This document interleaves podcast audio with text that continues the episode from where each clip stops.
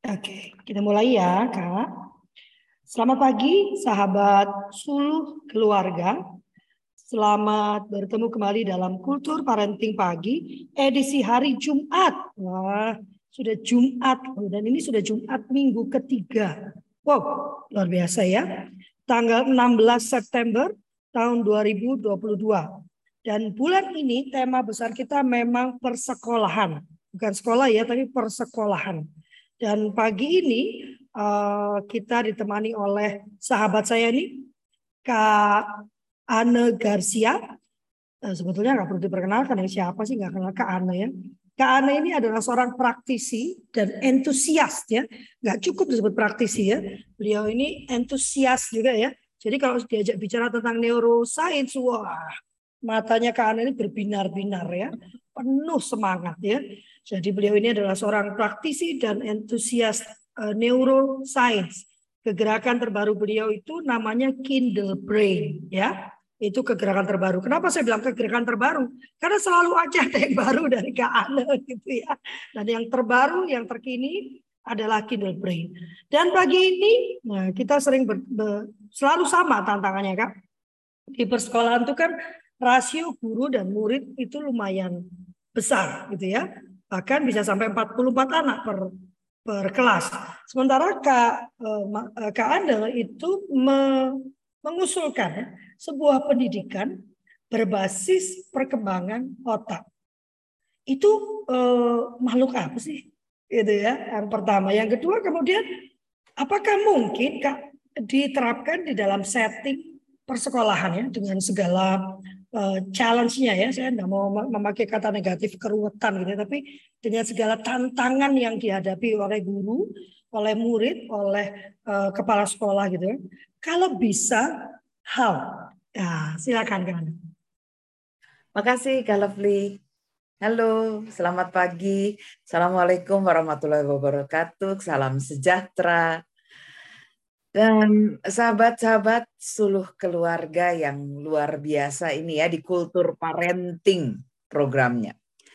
Uh, saya kemarin baru ketemu dengan sekelompok uh, anak muda, komunitas anak muda. Anak muda karena kalau dari umur saya bedanya 20 tahun gitu ya. Jelas saya bilang anak muda, tapi kalau kalau untuk masyarakat akan menyebutnya uh, masyarakat produktif katanya gitu ya. Nah, tapi buat saya jadi anak muda tetap. Dan mereka adalah kelompok anak muda yang uh, usianya menjelang 40 ya. Dan di usia mereka itu mereka punya anak-anak uh, usia sekolah. Ya, usia sekolah. Ada yang usia sekolahnya uh, memang yang mungkin nikahnya atau itu udah anak ketiga gitu ya, jadi masih kecil-kecil tapi juga ada yang punya anak usia sekolah di usia eh, sekitar SD gitu ya. Ada satu dua orang yang mungkin karena dia menikahnya sangat muda gitu ya atau eh, dia punya eh, situasi yang membuat dia memiliki anak yang sudah di eh, junior high gitu ya. Kira-kira udah ada di usia remaja gitu. Nah, mm, menarik karena kemudian mereka sedang berdiskusi anak gue sekolah di sini di situ deh. Sementara si orang tuanya, orang tuanya nih ya, adalah komunitas um, main game. Ada game, oh game zaman sekarang aneh-aneh deh ya, online lah, offline lah gitu ya. Pokoknya dia main game. Uh, saya ketawa dengan mereka, bercanda banyak dengan mereka. Terus salah satu bawa anaknya, wah petakilan. Saya bilang sama mereka, di mana kau memilih untuk menyekolahkan anakmu? Sementara kamu itu adalah kelompok orang-orang yang senang main aneka game. Gitu ya. Ada yang dengan cepat langsung menyebutkan oh itulah kak dulu saya sekolah di situ juga. Oh sekolah turun temurun gitu ya. Lalu ada juga yang bilang begini e, gini kak kita memang lagi mikir nih kak. Rasanya pengen bikin aja sekolah sendiri gitu terus Uh, saya ketawa luar biasa gitu ya sama dia. Gitu. Emang kau pikir bikin sekolah itu cuman sekepret nyuci baju apa? Saya bilang gitu. Kamu bikin sekolah anakmu sekarang SD, nanti anakmu udah SMA, anakmu udah kuliah, terus sekolahmu mau dijadiin apa? Nah, Itu bukan bukan satu hal yang bisa kamu bikin dan selesai mirip warung gitu ya, tutup aja. Itu karena kamu berpikirnya tuh seperti game. Dan game itu dengan dengan mudah kamu ganti. Gitu.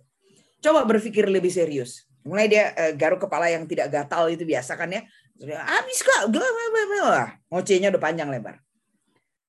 Uh, saya tanya sama dia, waktu kamu menyekolahkan anakmu itu, apa yang kamu tidak puas? Bukan apa yang kamu suka, apa yang kamu enggak, tapi apa yang kamu tidak puas. Sepertinya kak, anak saya pulang ke sekolah itu tetap belum ngerti apa-apa kata dia gitu. Oh, oke. Okay. Kau berharap dia mengerti apa? Eh nggak bisa jawab. Dan itu yang membuat emak-emak tua ini ngoceh panjang lebar. Karena mereka tidak bisa menerjemahkan, menggambarkan, mendeskripsikan apa yang mereka harapkan anaknya bisa. Saya tanya pertanyaan berikutnya. Kamu pengen anakmu emang jadi apa? Udah mengharapkan bisa apa? Jadi apa? Itu pun mereka tidak bisa deskripsikan. Karena apa mereka nggak bisa deskripsi? Karena mereka adalah orang-orang yang memang sudah generasi yang jangan ngomong deh saya bingung deh kalau udah ngomongin milenial X Y Z alpha bla bla bla gitu ya. What's the difference? Perbedaan yang mencolok adalah banyak keluarga muda yang hidup bersama remaja-remaja dan anak-anak sekolahnya itu karena kebiasaan dari aktivitas hobi mereka. Kebiasaan dari aktivitas digital mereka ternyata malah tidak bisa mendeskripsikan mau ke mana dan mau jadi bagaimana. Alias kata cita-cita itu tidak ada yang spesifik. Jadi ngomongnya adalah kita punya peluang besar di masa depan. Sekarang itu profesi tidak sekedar hukum, insinyur, eh, ekonomi, dokter, fine, dia bilang gitu. Kamu merasa kalau udah ngomong profesi, udah ngomong pendidikan tinggi itu banyak super spesialis, banyak profesi. Ya, oke. Okay. Tapi ternyata tidak bisa kau pilih dan semua jenis profesi itu ternyata tidak bisa kalian kelompokkan. Dan karena kamu tidak bisa kelompokkan, jadi kamu tidak tahu itu masuk kategori menu apa dengan persiapan apa. Lu kagak tahu lu tuh mau masuk shop atau kamu tuh mau memasak goreng-gorengan, kamu tuh lagi mau bikin ca atau kamu lagi mau bikin tim-timan, saya bilang gitu, kukus-kukusan, itu pengelompokannya kamu nggak ada dalam benakmu. Kecuali kalau ya kamu bilang mau jadi seperti papanya, seperti mamanya, ya itu mah namanya turunan, saya bilang gitu. Tapi actually kamu tidak tahu mau menjadi apa. Dan kau, kau nih ya, saya bilang gitu ya. Seru nggak? Profesimu yang sekarang apa? Coba saya tanya satu. Kamu apa? IT kak? Oh, Oke. Okay. Udah berapa program yang kamu bikin? Enggak, Kak, enggak bikin program. So, kamu bikin apa? Saya jadi dosen, Kak. Good. Very good. Dosen apa? Dosen game design. IT game design. IT-nya itu adalah a tailor, ya. Kamu membuat merangkai sesuatu, tapi jobnya desain. Yang satu ada di depan, yang kedua adanya di tengah di proses. Baru nanti outputnya keluar gamenya. Kamu ngerti nggak proses itu? Oh gitu ya kak katanya. Ya itu saya bilang itu. Jadi ternyata apa yang kamu expect buat anak-anakmu dan apa yang kamu mau bahas dengan anakmu as a plan of life dengan apa yang mau dipersiapkan itu kamu belum nyambung. Oke. Sekarang gini. Saya tanya, di kepalamu yang namanya pengelompokan ilmu apa yang kau tahu? IPA IPS bahasa, Kak. Nah iya. Nah sekarang kalau itu kamu game design, masuk IPA IPS atau bahasa? Eh, bisa semua, Kak. itulah saya bilang itulah yang bikin kalian bingung. Maka kamu nggak bisa nemenin anakmu dengan spesifik apa yang mesti di prepare.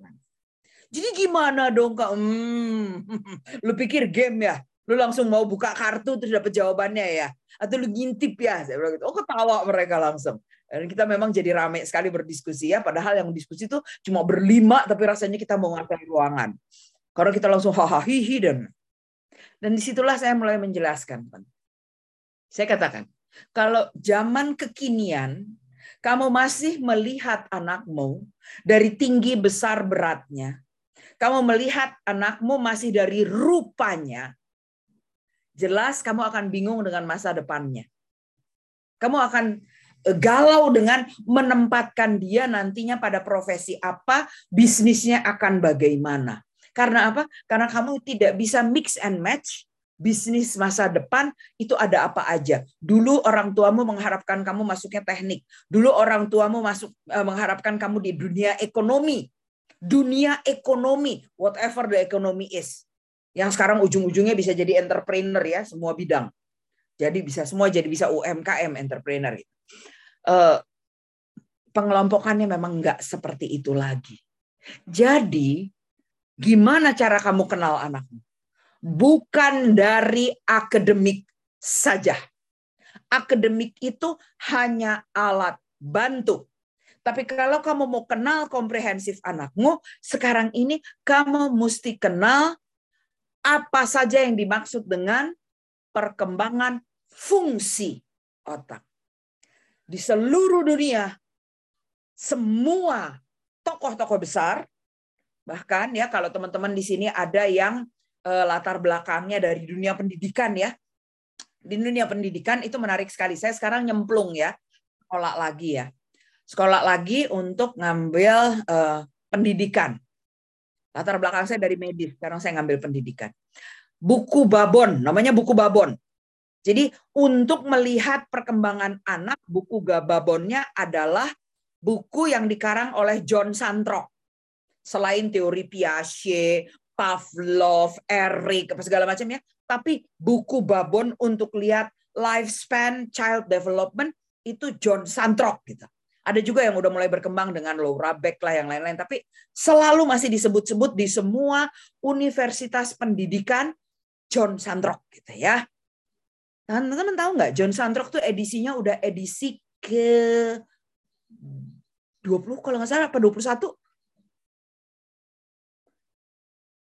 Do you know saya pernah ketemu dengan bukunya Santrok itu yang masih edisi-edisi muda karena saya pernah melakukan uh, diskusi tanya jawab begini dan dikasihnya buku Santrok dan buku Santroknya itu masih edisi yang bedanya barangkali jenjangnya itu lebih dari lima edisi gitu loh. Means apa? Ini buku develop, berkembang juga. Dan buku yang lama dengan buku yang perkembangan baru, di buku perkembangan baru ini ada hal yang menarik. Dia mulai menempatkan perspektif neuroscience di sana. Dulunya dia hanya menyebut tentang otak. Dia hanya sebut bahwa manusia itu ada otak, gitu ya. Tok, selesai. Di di edisi-edisi yang lebih awal dia menyebutkan bahwa bagian dari manusia yang penting dalam proses adalah otak tapi dia belum develop fungsi otak. Nah, di edisinya yang terbaru ini dia mulai ngomongin tentang cognitive neuroscience dan cognitive neuroscience adalah salah satu salah satu dari fungsi tinggi otak. Fungsi tinggi berarti ada fungsi rendah dong. Ada, teman-teman. Ternyata otak manusia jangan dipikirkan seperti mata. Kalau saya tanya, mata buat apa? Maka semua akan cepat mengatakan buat melihat. Kuping buat apa? Mendengar. Tapi ada nggak yang pernah mencatat bahwa fungsi fungsi dari telinga tidak hanya mendengar, melainkan bagian penting dari keseimbangan gerak. Keseimbangan gerak, bukan keseimbangan statis. tapi keseimbangan gerak. Keseimbangan gerak itu berarti kalau Anda saya minta berlari tutup mata atau berjalan deh, jangan ekstrim dulu berlari ya. Dengan berlari buka mata, apa ciri yang paling sering dipakai sama ice breaking? Temuan apa yang paling banyak?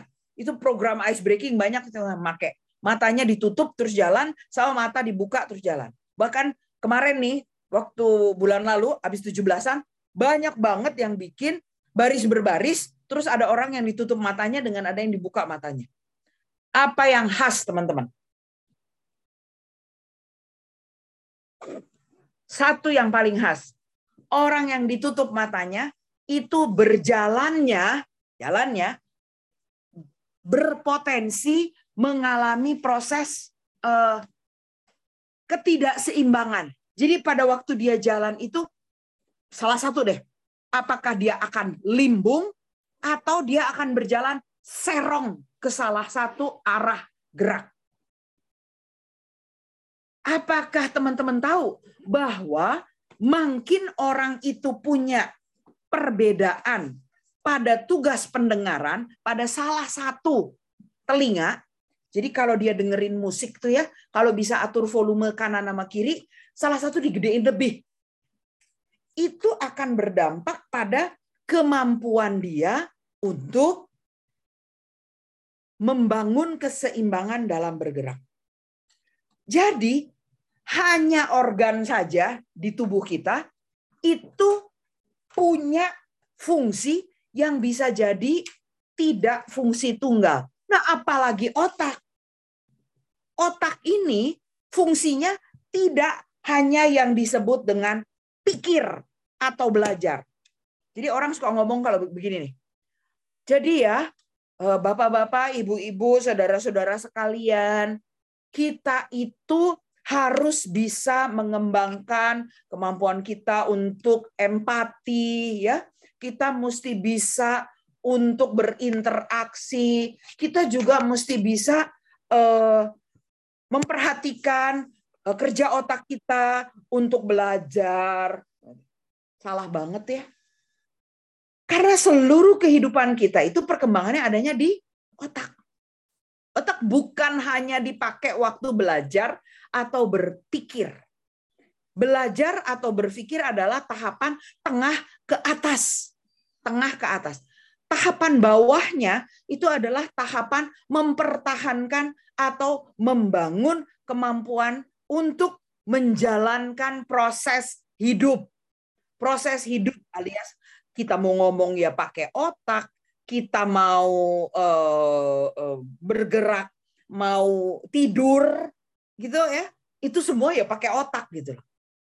Nggak ada hidup kita yang nggak pakai otak. Kita makan bukan sekedar proses makannya, tapi makanan itu masuk dan kemudian diolah di dalam lalu disebar ya itu juga otak juga yang mengerjakan.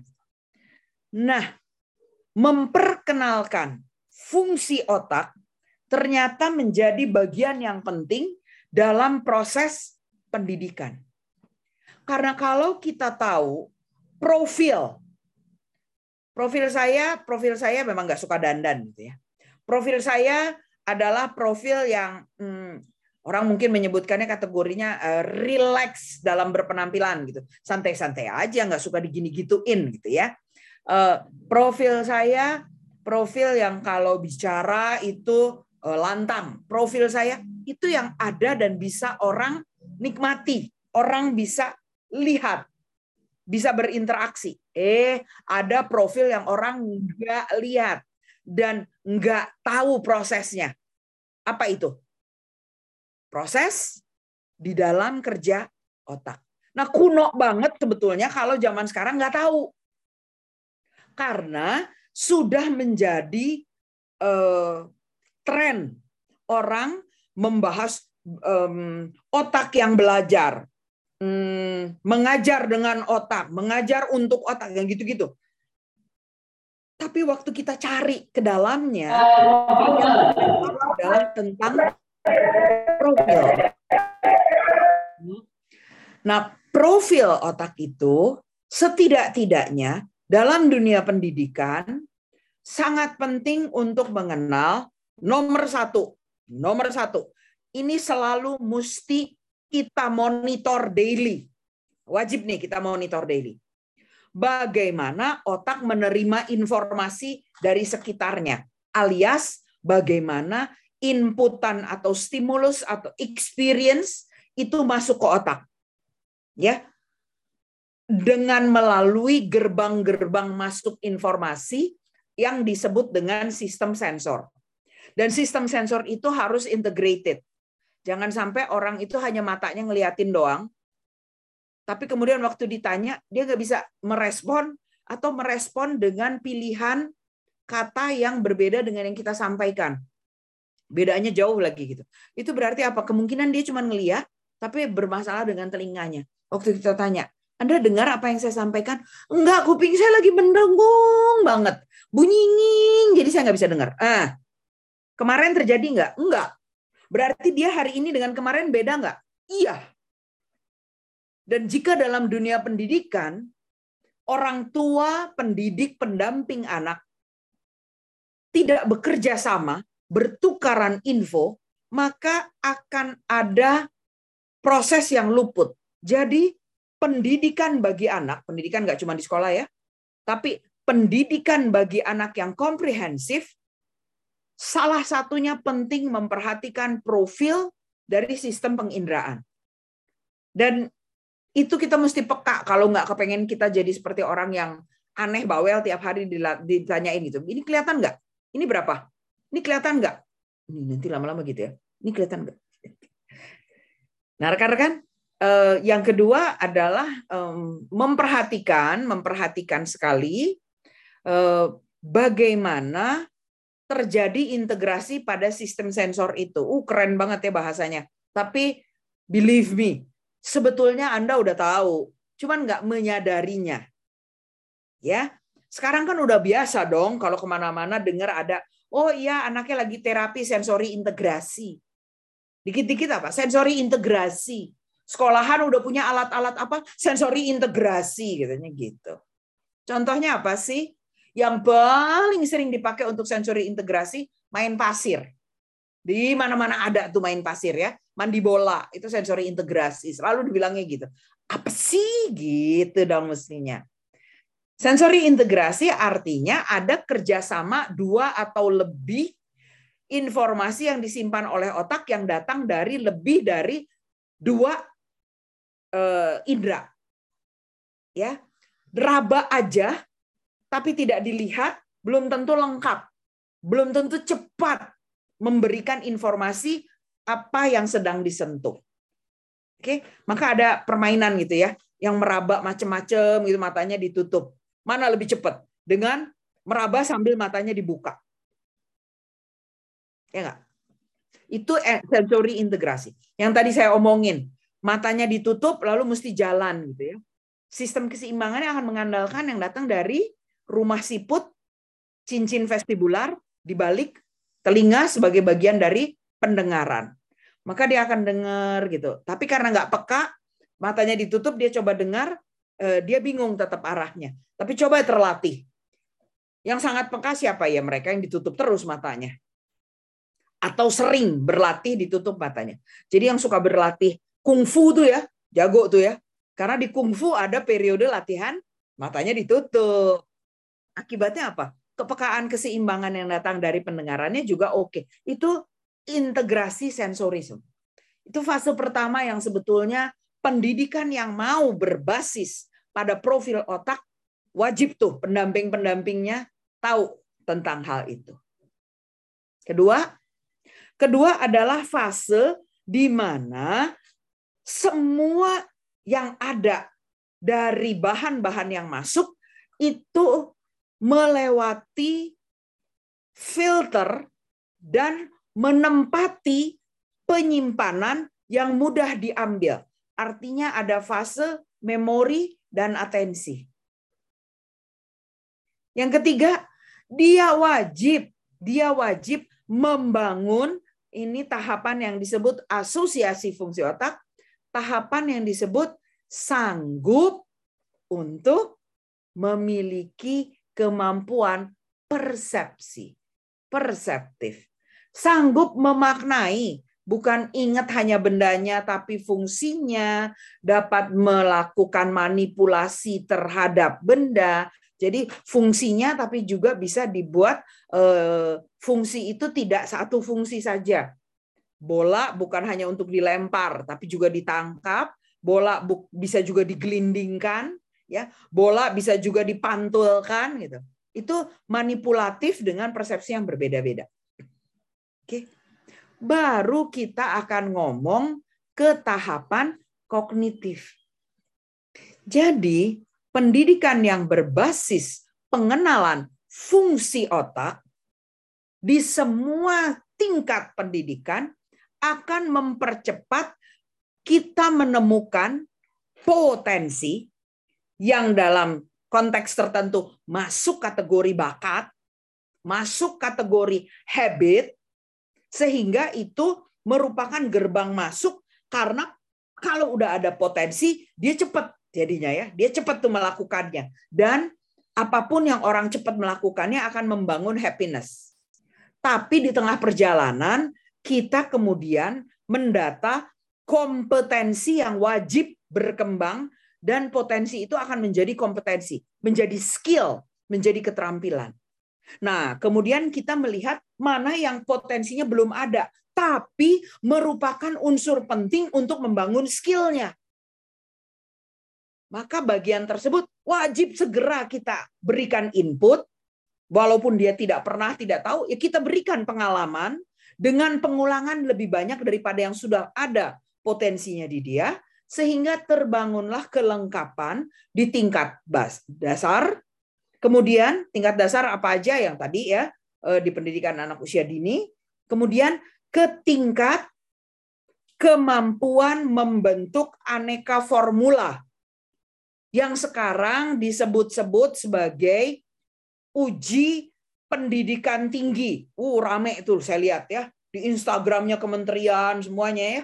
Uh, itu menyebutkan tentang uji pendidikan tinggi, bernalar kritis, bukan IQ gitu kan? Eh, kemudian ada empat deh itemnya. Padahal menurut saya mereka-mereka itu cuma memindahkan dari catatan perkembangan fungsi otak. Lah ya itu tuh fungsi otaknya. Ya itu yang disebut dengan fungsi eksekutif. Lah ya itu yang memang harus dimiliki secara optimal pada usia perkembangan 18 25 tahun. Jadi haha, akhirnya sebetulnya profil fungsi otaklah yang akan dipakai sebagai landasan evaluasi pendidikan.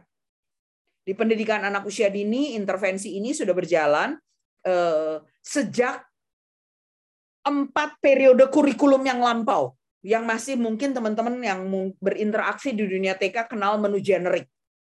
Menu generik dibangun oleh Dr. Adre Maisa, spesialis saraf konsultan, eh, profesor, almarhum profesor, eh, waktu itu belum profesor ya, eh, Koni Semiawan, yang gigih sekali di bidang tersebut. Oke. Dan almarhum Profesor Dr. Dr. Sumarmo Markam.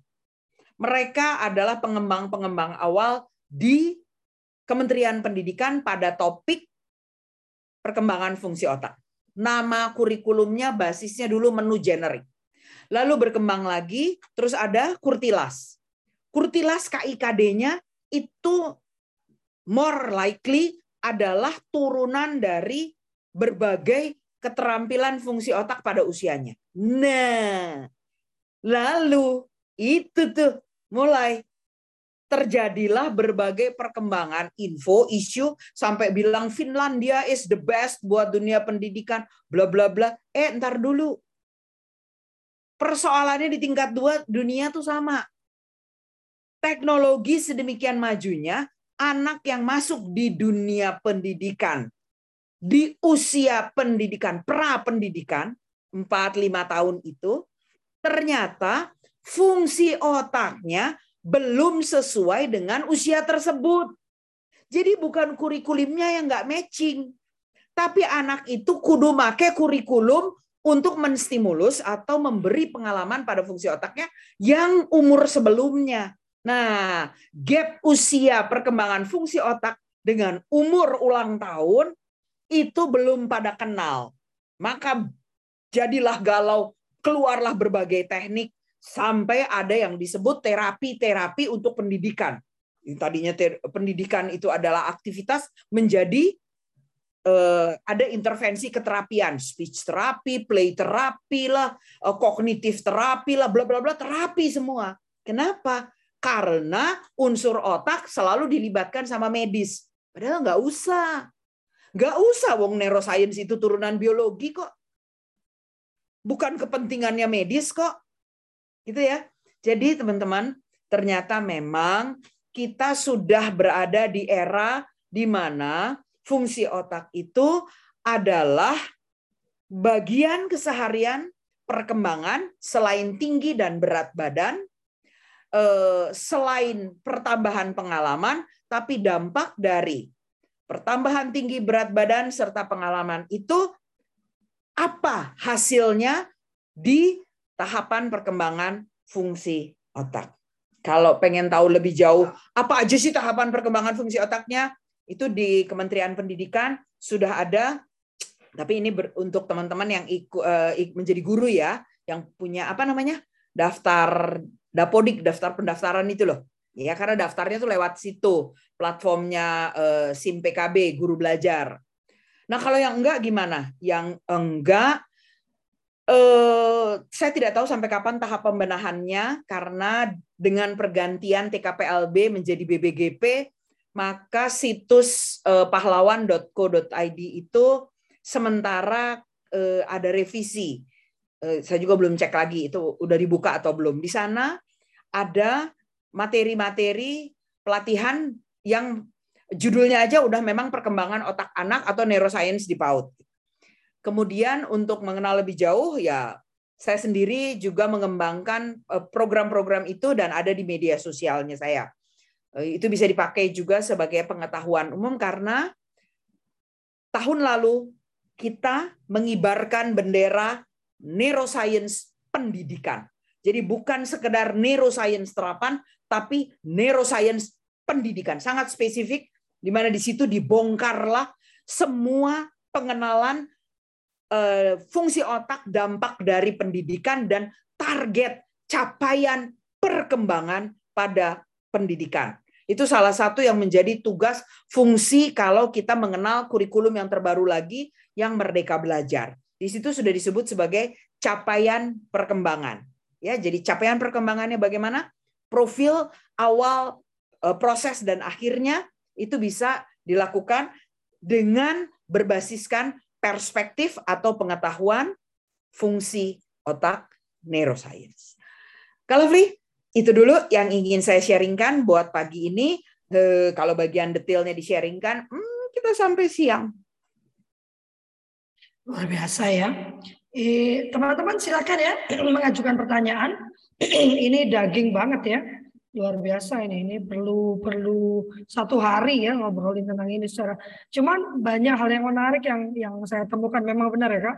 Selalu dikaitkan dengan kesehatan. Jadi harus pakai profesional gitu. Saya tidak mengatakan tidak perlu datang ke profesional ya. Pada tahapan tertentu memang memerlukan. Tetapi itu artinya orang tua dan pendidik atau guru pendidik formal ya dan non formal uh, sebetulnya bisa aware gitu ya Kak, Kak, Kak Ana ya, bisa aware dan bisa melakukan uh, satu proses yang mindful ya, mindful tentang hal-hal ini gitu ya. Tidak berfokus pada ini saja ya enggak, tapi mindful. Uh, Kak Elizabeth nanti saya bacakan dulu pertanyaan Kak Dita, setelah itu ke Kak Elizabeth ya. Kak Duta bertanya pagi karena sangat menarik materi pagi ini. Izin tanya, apakah ada alat screening sederhana atau sejenis kuesioner yang bisa kita gunakan untuk mengetahui profil sistem penginderaan anak? Terima kasih. Oke, ada ya teman-teman. Uh, ini aku tadi nulisin aja buat teman-teman sebelum ditanya. Belajarnya kelihatannya ke mana gitu ya? ya itu YouTube channelnya. Um, pertama, yang paling gampang yang paling banyak kita bisa dapatkan itu adalah DDTK, deteksi dini tumbuh kembang. Namun yes, Deteksi dini tumbuh kembang yang wajar biasa eh, paling banyak kita kenal itu adalah yang deteksi dini tumbuh kembang dengan bacaan profil akhirnya dari bidang kesehatan. Itu ada di posyandu, ada di puskesmas gitu ya. Tapi kami sudah um, melakukan analisa perkembangan otak anak dari pengisian DDTK.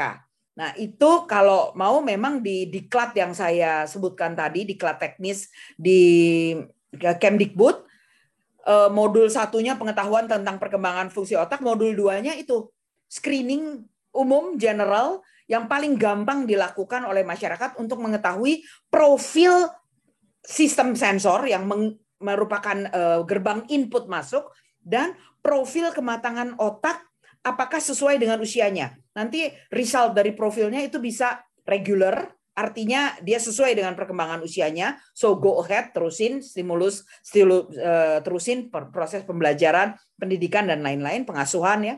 Yang uh, kedua mungkin hasilnya adalah terlambat. Kalau terlambat itu berarti terhadap usia kemampuan fungsi otaknya dia itu dia ada uh, berada di belakang usianya tapi nggak terlalu jauh yang kita bisa bilang hanya kurang kelengkapan pendampingan, pengalamannya, atau hmm, tidak lengkap.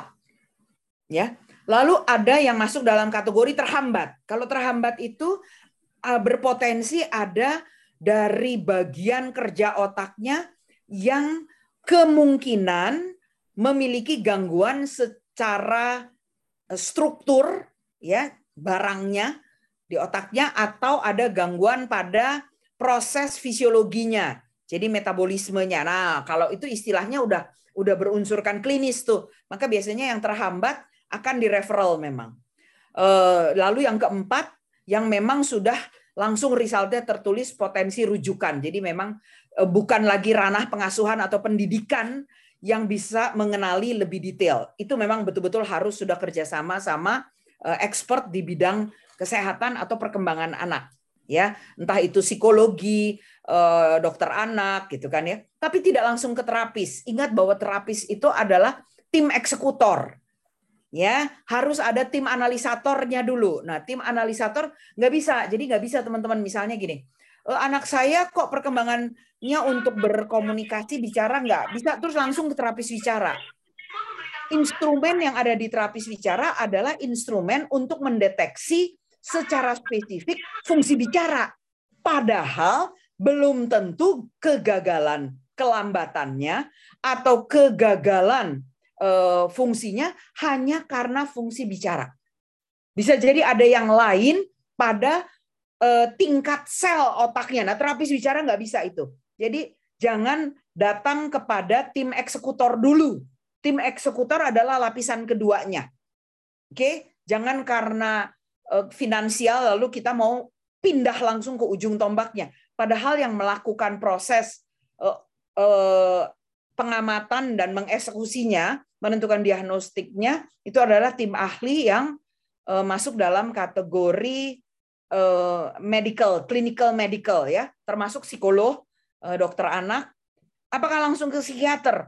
Hmm, ya dan tidak, karena psikiater itu juga kita sebetulnya sudah memiliki informasi eh, pembuka atau preliminary information dari entah dokter anak, eh, psikolog yang kemudian merujuk ke tingkat yang lebih tinggi. Jadi psikiater itu ada di rujukan level keduanya. Gitu ya. Jadi bisa dengan menggunakan SDIDTK atau DDTK tapi versi POA. Kalau bukan guru, lalu mesti larinya carinya ke mana? Salah satunya adalah menggunakan versi daring yang kita kembangkan tadi. Kak Rima udah cerita di eh, Kindle Brain, aplikasi Android Kindle Brain. Di situ ada eh, deteksi dini tumbuh kembang untuk menemukan profil kerja otak, fungsi otak dari anak-anak. Tapi itu berlakunya sampai usia 12 eh, ya. Kalau yang remaja, yang remaja akan mengisi kuesioner yang berbeda lagi. Ini di tingkat orang tua. Jadi kenapa kuesioner? Untuk memfilter. Nanti kalau kepengen tahu lebih jauh, eh, melalui channel channel dari Laboratorium Neuroscience Pendidikan. Laboratorium Neuroscience Pendidikan yang sekarang pertama berdiri itu di Universitas Pancasakti Bekasi. Eh, akan bertambah berkembang karena beberapa universitas sedang mempersiapkan diri seperti universitas di Padang, di di, di Balikpapan, di Mataram itu ada yang sedang mempersiapkan untuk membuka laboratorium neuroscience pendidikan untuk bisa membantu mendeteksi. Oke, semoga membantu infonya nih Kak. Terima kasih banyak Kak Ana, luar biasa. Kali sampai bisa di Balikpapan ya. Tungguin Iya, tuh Kak. balik papan. Iya, Universitas- iya Kak Ana, saya di Balikpapan. Eh, saya sampai lupa tuh nama universitas, tapi universitas yang negeri deh kelihatannya Kak Dwita. Yang negeri hanya satu ITK, Institut Teknologi Kalimantan. Oh, bukan Bro. Yang ada pendidikan anak usia dininya Kak. Universitas Mulia, Mungkin itu ya. Kak, eh, swasta Kak. Swasta. Oh, swasta. Oke. Iya Kak. Kak Elizabeth silakan. Ya, terima kasih, terima kasih banyak. Eh, banyak sekali memang daging banget. Ada banyak yang berkecamuk di pikiran saya. Mulai dari bertukar informasi antara ortu dan orang tua itu jenis informasi yang seperti apa. Kemudian eh, tentang persepsi eh, anak wajib memiliki kemampuan persepsi terhadap benda itu benar banget karena bo- bola tidak hanya dilempar. Itu satu contoh yang sederhana tapi sebetulnya banyak yang mesti digali lagi kami sebagai guru-guru PAUD itu harus lebih ngeh, lebih detail gitu loh. Jadi ini kan memang lebar banget, dalam banget. Jadi mungkin topik selanjutnya bisa sedikit-sedikit itu ada banyak termasuk ternyata eh, ternyata memang benar dari menu generik ke K13 ya sampai sekarang IKM. Nah, saya mau eh, bertanya sedikit minta tips sama Bu Ana untuk yang terakhir disebutkan Bu Ana mengenai eh, bagaimana cara kami membalik persepsi. Maksud saya kami kan terbiasa dengan enam enam aspek perkembangan. Sekarang Ya. kalau dari IKM itu mulainya berpikir bukan dari enam tapi dari CP dengan project based. Nah, ini yang membuat kami itu bingung. Makanya katanya lebih mudah, tapi nyatanya ketika kami memang saat ini masih menggabungkan dua itu malah jadi susah. Begitu Kak Ana, tetaplah sehat dan bahagia sehingga kami dapat eh, berkah melimpah. Ya. Terima kasih. Makasih Kak Elizabeth. Eh, Kak Elizabeth, antara Kurtilas ke IKM itu eh, sebetulnya rantai linknya masih sama Kak. Jadi memang waktu Kurtilas kan akan menggunakan enam aspek. Tapi di di akhir-akhir kan udah nggak enam aspek ya Kak ya, jadi lima. Karena seni di take out. Dan itu betul sekali Kak. Aspek perkembangan eh, yang kemudian eh, kita kenal itu kan eh, menjadi STTPA-nya saja ya. Tetapi kemudian pada waktu kita mengenal lebih jauh, KIKD-nya kan turunannya sudah lebih spesifik ya kak ya. Nah, eh, seni seni itu adalah alat alat pengalaman untuk mengembangkan setiap aspek. Nah, aspek-aspek itu saya sudah membuat dalam dalam eh, workshop yang kita selenggarakan itu di situ kita sudah menyandingkan menyandingkan perkembangan fungsi otak dengan aspek-aspek ini. Jadi yang pertama harus dipenuhi anak yang masuk ke TK adalah aspek fisik motor, Kak. Karena di aspek fisik motor itu tentang sensori, kemudian perkembangan geraknya sebagai eh, upaya awal kerja otak terhadap tubuh. Saya sering sebutnya sebagai brain body connection. Itu tercapai sampai ke tingkat persepsi. Jadi dia punya ide gerak yang benar, rencana gerak yang benar. Maka pada waktu dia berinteraksi, berinteraksi dengan teman-teman di sekolah, maka aktivitas gerak dia itu sudah punya keseragaman ide gerak. Maksudnya apa? Kalau mau makan sama-sama tangan ke mulut. Nggak ada dong yang kalau mau makan yang satu tangannya terus ke kuping gitu loh. Kan nggak enggak ya kesamaan ide gerak itu adalah bagian dari peradaban fisik motor. Jadi fisik motor itu masuk yang pertama pada perkembangan fungsi gerak dibarengi, dibarengi secara paralel pematangannya harus jalan bareng dengan sosial emosi. Karena pertemuan fisik motor dan sosial emosi itu akan menjadi perilaku menuju karakter positif, Kak. Kemudian perkembangan berikutnya, aspek berikutnya kalau berbasiskan fungsi otak nih ya menyandingkannya adalah perkembangan bahasa. Bahasa dulu Kak. Jadi yang ketiga itu kita masuk ke bahasa, eh, baru kemudian kita masuk ke kognitif. Nah, kalau sudah ada fisik motor, sosial emosi, bahasa, dan kognitif di tingkat yang paling dasar, kesemuanya itu bisa dinilai perkembangannya dan distimulus pengalamannya secara komprehensif dengan pengetahuan 6 nilai agama moral. Nah, alat pengalamannya bisa memang pakai seni. Jadi aspek perkembangan dari 6 menjadi 5, Kak. Nah, waktu kita ke IKM, capaian perkembangan itu adalah tangga. Tangga untuk melihat stepping stone-nya itu sudah ada di mana. Nah, unsur stepping stone-nya tetap melihat hmm, teropongnya teropongnya untuk melihat setiap tahapan capaian perkembangan tetap pakai aspek, Kak. Maka ukurannya akhirnya masih menggunakan KIKD. Jadi jangan melihat IKM itu sebagai perubahan total. Tidak. Project pun yang 5P itu ya Kak ya, itu dilakukan dalam satu bulan sebagai media media pengalaman. Jadi ini cuma masalah masalah kita melihatnya aja. Kalau tadinya pendidikan itu satu demi satu toolsnya perangkat untuk mencapai kemampuan belajar, kemampuan otak itu dipecah-pecah di tingkat TK dan kemudian di tingkat SD mesin pikir dibangun satu demi satu matematika, bahasa, dua atau tiga bahasa ya. Eh, Indonesia, Inggris misalnya tambah apa Perancis kayak Jerman kayak Arab kayak gitu ya. Tapi sebetulnya itu sama-sama bukan belajar bahasa, Kak. Tata bahasa, tata bahasa sampai tingkat usia eh, tingkat usia SMA itu bukan keterampilan bahasa saja. Tapi tata bahasa adalah proses pembentukan sirkuit fungsi di otak yang berjalan paralel bersama matematika, tapi belum ke matematika pembagian IPA atau IPS ya, melainkan hanya matematika sebagai bagian dari berpikir kritis, nalar kritis kan. Jadi sebetulnya nggak ada perubahan dalam kurikulum tapi kekinian dalam melaksanakan proses belajar. Kurikulum itu sebetulnya tidak sedang berubah-ubah. Kurikulum itu merubah atau memberikan tren baru pada gaya sesuai dengan perkembangan teknologi. Bayangkan kalau kita masih menggunakan kurikulum generik gitu ya, menu generik itu pada saat kita menggunakan perangkat digital.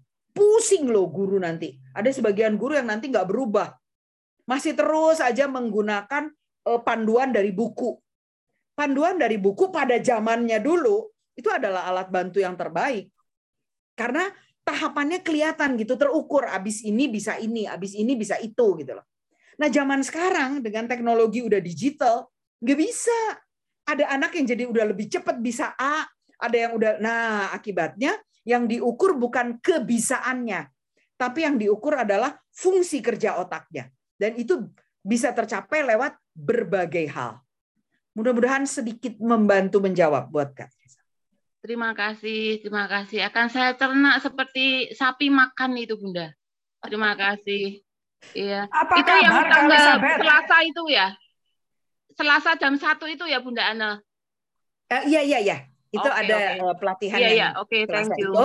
Tapi sekarang udah berubah berubah format ya, udah mulai menuju uh, format LMS. Jadi satu orang pun bisa ikut, uh, tidak harus lagi dibuat kelas, kecuali nanti kalau ada yang mau kelas luring. Tapi okay. sekarang formatnya sudah mulai menuju ke LMS. Jadi everybody can learn in their own pace time. Iya, Jadi nggak iya, lagi iya. ditentuin iya. harus Selasa jam satu. Iya iya, terima kasih, terima kasih, terima kasih Kak Lovely. Apa kabar? Lama sekali nggak muncul. Ngintip aja Kak, ini sibuk Kak. Oh, Terima gitu. kasih. Yang penting sehat. Sudah jam 8 lebih 4, Kak Ana, untuk penutup.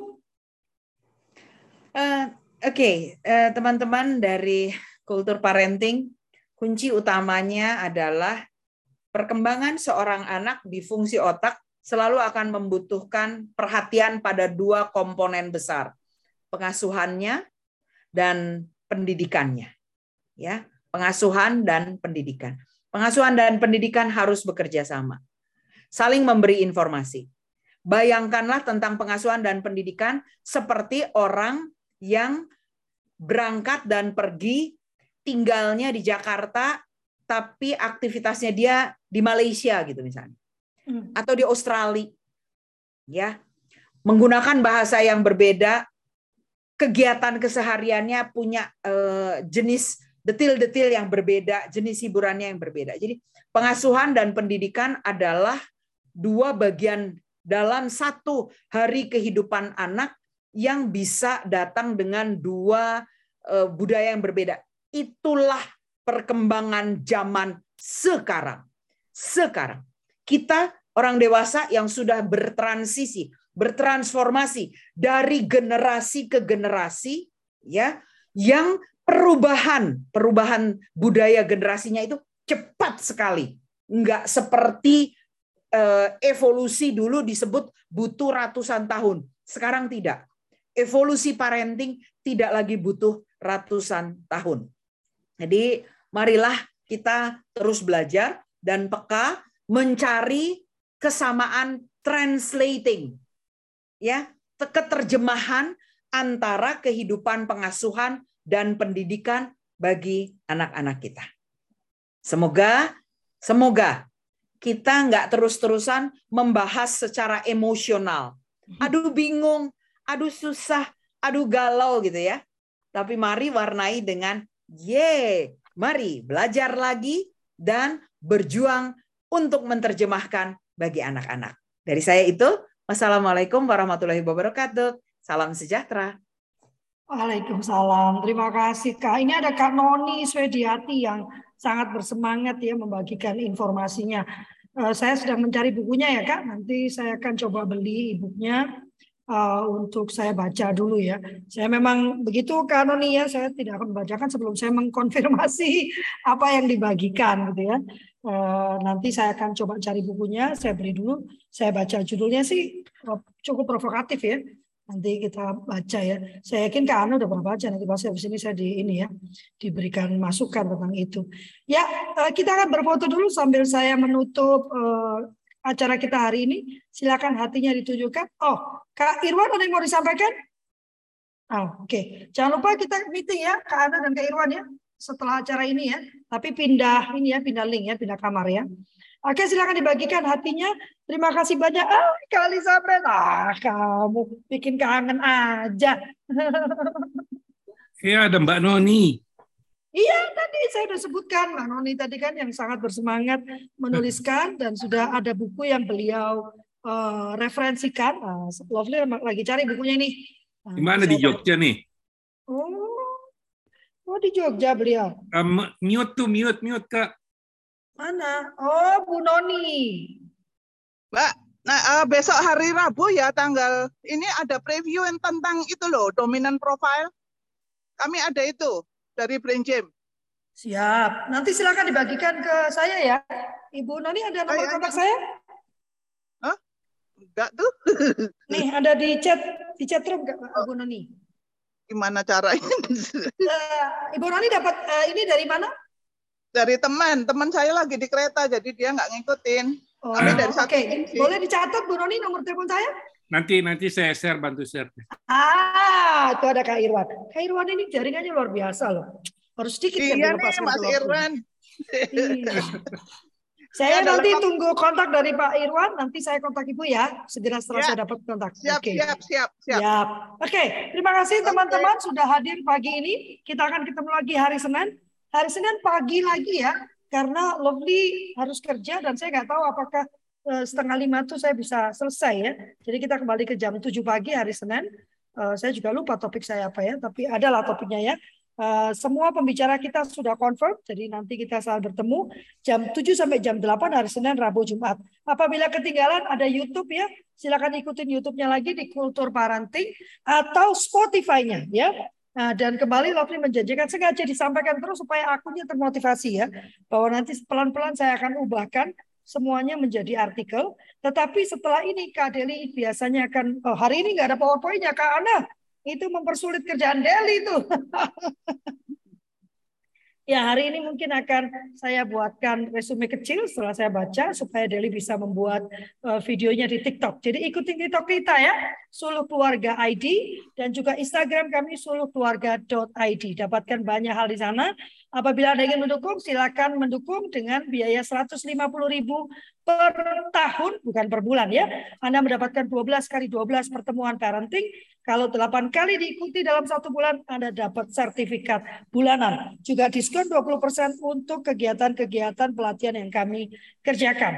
Ke depan yang sedang saya siapkan adalah pelatihan homeschooling, ya bagaimana Anda membentuk diri Anda menjadi pesekolah rumah, dan juga fun English for children and for professional.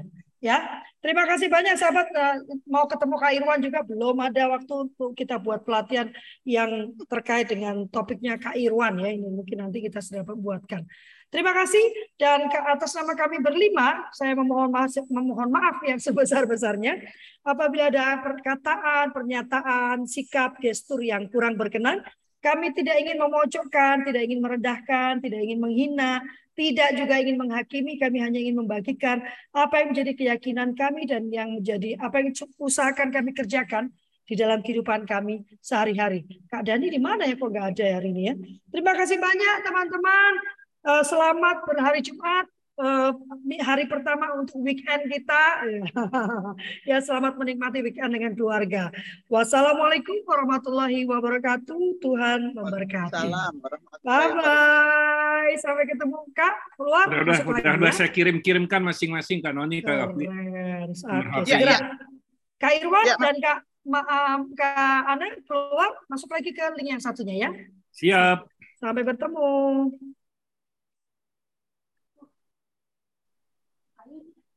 Mas Irwan tak kirimi ya.